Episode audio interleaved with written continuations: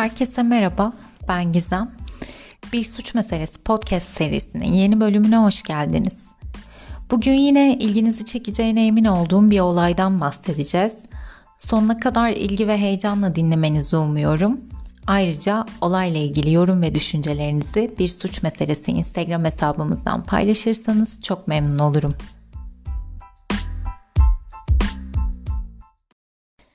Bugünkü olayımıza başlamadan önce ufak bir hatırlatma yapmak istiyorum. Biliyorsunuz podcast'imizin bir de Instagram hesabı var. Bu hesaptan da bölümlerde ismi geçen kişilerin fotoğraflarını paylaşıyoruz ve konularla alakalı tartışıp konuşuyoruz. Böylece yayını interaktif hale getiriyoruz aslında biraz daha. Yorumlarınızı paylaşmak veya yalnızca bölüm hakkındaki paylaşımları görmek isterseniz bizi Instagram'dan da takip edebilirsiniz. Olayımıza geçecek olursak bugün yine Amerika'ya gideceğiz hep birlikte. Alaska'ya. Zorlu iklim koşullarının yanında birçok doğa harikasına da ev sahipliği yapan Alaska'da Bonnie isminde bir genç kız annesi, babası ve iki kardeşiyle birlikte sakin ve huzurlu bir hayat geçiriyor. O esnada sene 1994. Ailenin geçmişini daha iyi anlayabilmek adına 1976 senesine doğru kısa bir yolculuk yapalım istiyorum öncelikle. Karen bahsi geçen senede oldukça tatlı, kendi deyimiyle pes pembe bir kız çocuk doğuruyor. Bu çocuk az önce bahsetmiş olduğum Bonnie. Bonnie henüz çok küçükken anne Karen ve Bonnie'nin biyolojik babası arasında bazı anlaşmazlıklar çıkıyor. Sorunlarını çözemeyen ikili bir süre sonra ayrılıyor ve Bonnie annesiyle birlikte yaşamaya başlıyor. Karen bir süre sonra yeni biriyle tanışıyor bu adamla oldukça iyi anlaşıyorlar. Aynı zamanda Bonnie de onu çok seviyor. Haliyle bir süre sonra ikili evlenmeye karar veriyorlar. Bonnie güzel bir çocukluk geçiriyor bu evde. Bir süre sonra da Adam ve Samantha adında iki kardeşi oluyor. Anne ve baba olması gerektiği gibi kardeşler arasında hiçbir ayrım yapmıyorlar. Samantha ailesi ona Bonnie'nin farklı bir biyolojik babaya sahip olduğunu açıkladığında buna uzun süre inanamadığını ve çok ağladığını söylüyor. Sanırım o esnada çok küçük olduğu için bu durumun kardeşini kendisinden uzaklaştıracak bir şey olduğunu sanmış. Ailenin bunu çocuklara açıklama sebebi ise Bonnie'nin haftada 3 gün biyolojik babasında kalması gerekmesi. Adam ve Samantha artık bu durumu anlayacak yaşa geldikleri için de bu açıklama yapılmış çocuklara. Tekrar hikayenin başında bahsettiğimiz 1994 senesine dönüyoruz şimdi. Anne, baba, Samantha, Bonnie ve Adam 5 kişilik oldukça mutlu ve huzurlu bir aileler. Bonnie o esnada 18 yaşında bir genç kız. Derslerinde başarılı, sorumluluklarının bilincinde, iyi huylu, herkesle özellikle de kardeşleriyle oldukça güzel bir ilişkiye sahip. O sene üniversiteye başlayacak olan Bonnie'ye ailesi bir araba vermek istiyor hatta. Bonnie çok iyi bir çocuk olduğu için onu mutlu etmek istiyorlar. Ancak Bonnie bunu kabul etmiyor. Çok yakın bir zamanda bir arkadaşını trajik bir trafik kazasında kaybetmiş ve asla araba kullanmak istemiyor. Gideceği her yere ya yürüyerek ya da otobüsle gidiyor. Yürüdüğü yollar çoğunlukla ıssız ve karanlık olduğu için de ailesi biraz endişeli aslında. Araba vermek istemelerinin bir nedeni de bu ama Bonnie bunu asla kabul etmiyor dediğim gibi. Kendisini koruyabileceğini anlatıyor ailesine. Aynı zamanda Samantha'ya da eğer karanlık ve ıssız bir yoldan yürümesi gerekirse nelere dikkat etmesi gerektiğiyle ilgili öğütler veriyor. Aynı sene içerisinde Bonnie biyolojik babasına kalmaya gidiyor bir gün. Sabah erken saatteki İngilizce dersine yetişebilmek için erkenden çıkıyor babasının evinden. Buradan otobüs durağına yürüyecek ve ardından okuluna gidecek. Ancak ne yazık ki Bonnie o gün İngilizce dersine gidemiyor. Neden gidemediği sorusunun cevabı da bir dere kenarında yürüyüş yapan bir çiftten geliyor. Bahsettiğim derenin üst kısmında bir yürüyüş alanı var. Aşağıda da akan bir dere var. Aradaki kısmı çok derin olmayan bir uçurum gibi düşünebilirsiniz aslında. İşte bu iki yürüyüşçü dere kenarında bir şey fark ediyor. Uçurumun kenarına varınca da ne yazık ki bunun bir insan bedeni olduğu anlaşılıyor. İkili polislere haber veriyor ve yapılan incelemenin sonucunda da ölen bu talihsiz kişinin Bonnie olduğu anlaşılıyor. Bu haber üzerine tüm aile yıkılıyor tabi. Özellikle de Karen ve Samantha. Ölüm nedenini öğrenmek istediklerinde ise polisten bunun bir yürüyüş kazası olduğu bilgisini alıyorlar. Karen buna asla inanmıyor çünkü ölüm saatine ve düştüğü yerin otobüs durağından uzaklığına bakılınca Bonnie'nin o gün İngilizce dersini asarak buraya yürüyüşe gitmiş olması gerekiyor. Bunun anlamsız olmasının iki nedeni var. Birincisi başta da bahsettiğim gibi Bonnie sorumluluklarının oldukça bilincinde bir genç ve okulunu çok fazla önemsiyor. Şu ana kadar asla ders kaçırmış değil. İkincisi ise Bonnie sabah karanlıkta İngilizce dersine yetişebilmek için çıkıyor evden. Eğer yürüyüş yapmak isteseydi bu kadar erken çıkmasına gerek yoktu Bonnie'nin. Yani sonuç olarak aile Bonnie'nin buraya yürüyüşe gitmediğine emin aslında. Polisler de Bonnie'nin saldırıya uğradığını biliyorlar esasında. Çünkü Bonnie'nin bedeninde birçok savunma yarası var. Ve en acı tarafı da yapılan otopside Bonnie'nin tecavüze uğradığı da anlaşılıyor. Dedektifler bu durumu aile dahil kimseyle paylaşmamışlar. Çünkü katile yaklaşmalarının daha kolay olacağını düşünmüşler bu şekilde. Sonuçta bu olayın bir cinayet olmadığı düşünülürse katil de daha rahat hareket edebilecek ve dedektifler de onu daha rahat bir şekilde yakalayabilecekler. Tam bu kısımda ufak bir dipnot geçeceğim yine. Vakayla ilgili bazı dosyalarda polisin bu konuda ihmali olduğu ve başlangıçta aslında bunun bir cinayet olmadığını düşündükleri, yani aslında katili bir süre hiç aramadıkları anlatılıyor. Ancak polis bunu kabul etmiyor asla. Aynı şekilde Karen da hikayenin sonunda polisin bir ihmali olmadığına kanaat getiriyor. Ancak elbette başlangıçta işler bu şekilde ilerlemiyor. Kızının oraya yürüyüşe gitmeyeceğine emin olan Karen, dedektifleri kızının davasını ihmal etmekle suçluyor haklı olarak. Bu esnada dedektifler Bonnie tecavüze de uğradığı için katilin erkek olduğunu biliyorlar standart bir prosedür olduğunu söyleyerek ailenin erkeklerinden DNA örneği alıyorlar ancak bir eşleşme olmuyor. Bu tarz durumlarda ne yazık ki çoğunlukla katil tanıdık, hiç beklenmeyen ve kurbana yakın kişiler çıktığı için polis de ilk olarak aileye yöneliyor. Aynı zamanda Bonnie'nin o sıralar birlikte olduğu bir erkek arkadaşı var ve oldukça da iyi anlaşıyorlar aslında. Polisler bu kişiden de DNA örneği alıyor ve yine bir eşleşme olmuyor. Böylece Bonnie ile yakınlığı olan tüm erkekler bu cinayet soruşturmasından çıkarılmış oluyorlar. Ama tabii Karen böyle bir soruşturma yürütüldüğünden habersiz ve sizin de bildiğiniz gibi kızının ihmal edildiği inancında. Bunun üzerine Karen kendi araştırmasını kendisi yürütmeye karar veriyor bu durum kimi noktada polisleri zora soksa da anneyi durdurabilmek pek de mümkün olmuyor açıkçası. Bu arada Karen bir polis merkezinde çalışıyor.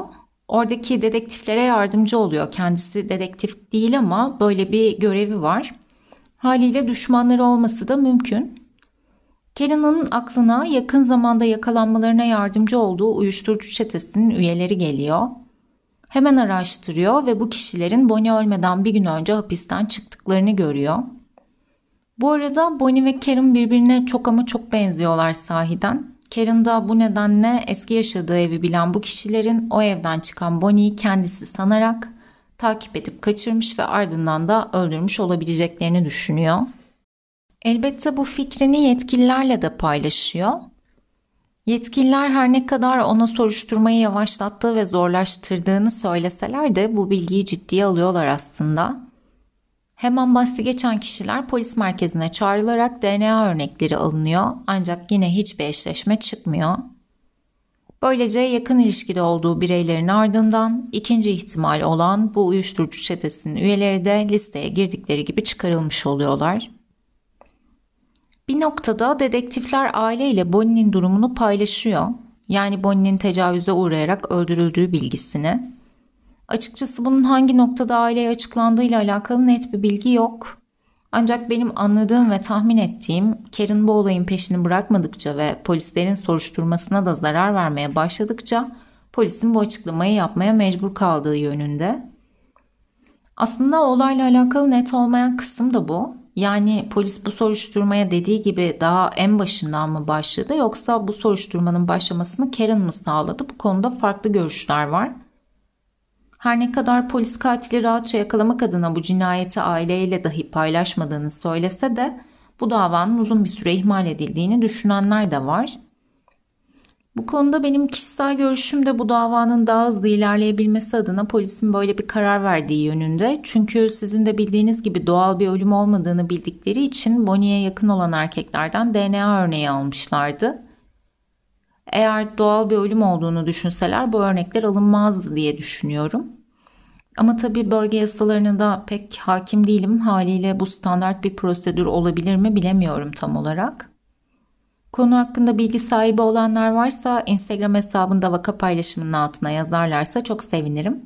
Net bilgi sahibi olabiliriz belki böylece.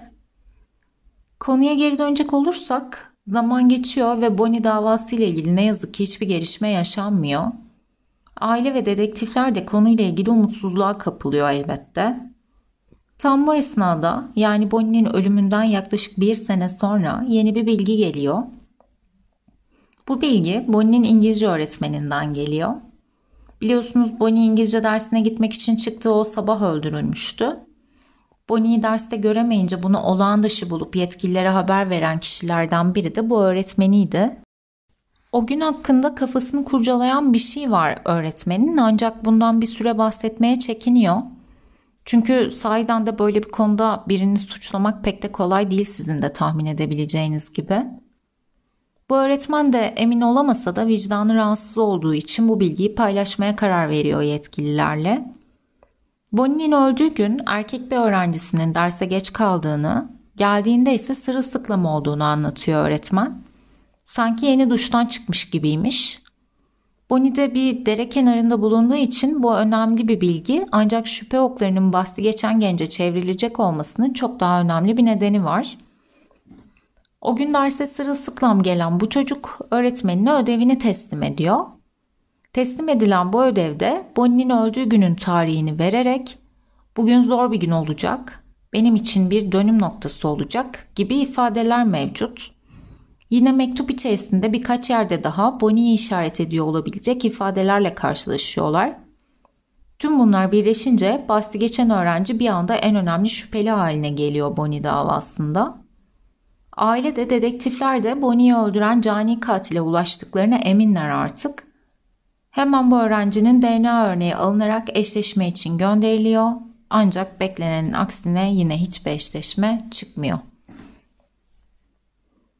Burada bahsi geçen ödevi Instagram hesabında da paylaşacağım bu arada.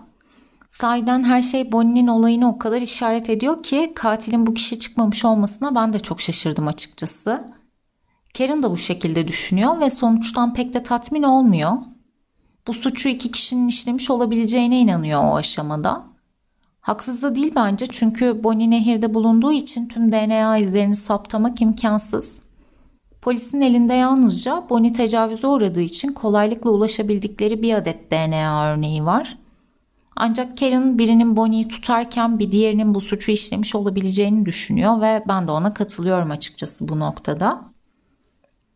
Bu arada yeni bir ihbar telefonu alıyor polisler. Bu ihbar Bonnie'nin de otobüs beklediği o güzergahta çalışan bir otobüs şoförüyle alakalı. Bahsi geçen şoförün 14 yaşında bir genç kızı taciz ettiği ile alakalı bir ihbar bu. İşin içerisinde tacizde olunca polisler ve aile bu kişinin Bonnie'nin cinayetinden de sorumlu olabileceğini düşünüyorlar. Bu otobüs şoförünün Bonnie'nin öldürüldüğü gün çalışıp çalışmadığı sorgulanıyor ve o günde işinin başında olduğu görülüyor. Bunun üzerine kendisinden DNA örneği alınıyor ve eşleşme için teste gönderiliyor. Ve bu testte sahiden de bir eşleşme çıkıyor. Tabi aile çok mutlu bunun üzerine sonunda katil yakalanmak üzere diye düşünüyorlar. Ancak o esnada yapılan test söyledikleri kadarıyla yüksek hata oranı barındıran bir test olduğu için doğrulamaya gönderiliyor. Ve bu doğrulama sonucunda ne yazık ki yine eşleşme sağlanamıyor. Aile de ne yazık ki yine hayal kırıklıklarıyla baş başa kalıyor. Bu kısımdan sonrası ise ne yazık ki aile için çok yıpratıcı bir şekilde ilerliyor.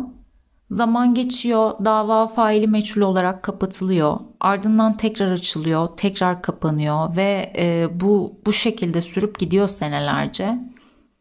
Bu durum en çok da Karen'ı sarsıyor. Kendisi tüm ailesini unutarak seneler boyunca yalnız başına Bonnie'nin katilini aramaya devam ediyor. Bu esnada öteki çocuklarını da tamamen yalnız bırakıyor tabii ki. Hatta Samantha annesinin yalnızca Bonnie'yi kaybettiğini ancak bu süreçte kendilerinin hem Bonnie'yi hem de annelerini kaybettiklerini söylüyor. Yani aslında bir insanın yaşamına son verdiğinizde bu aynı anda o kişiyi seven birçok insanın hayatını değiştiriyor. Hayatının en güzel zamanlarında yaşam hakkı elinden alınan Bonnie, kendini tamamen Bonnie'nin katilini bulmaya adayan anne Karen, ablasını ve annesini en ihtiyaç duyduğu zamanlarda kaybeden Samantha. Bu arada Bonnie'nin erkek arkadaşından çok da bahsetmedik ama bu ölümden en çok etkilenenlerden biri de o. Ee, Bonnie ile ciddi ve sevgi dolu bir ilişki içerisindeler Bonnie'nin ölümünden önce. Haliyle bu olay bu genç adam için de ciddi bir yıkım oluyor.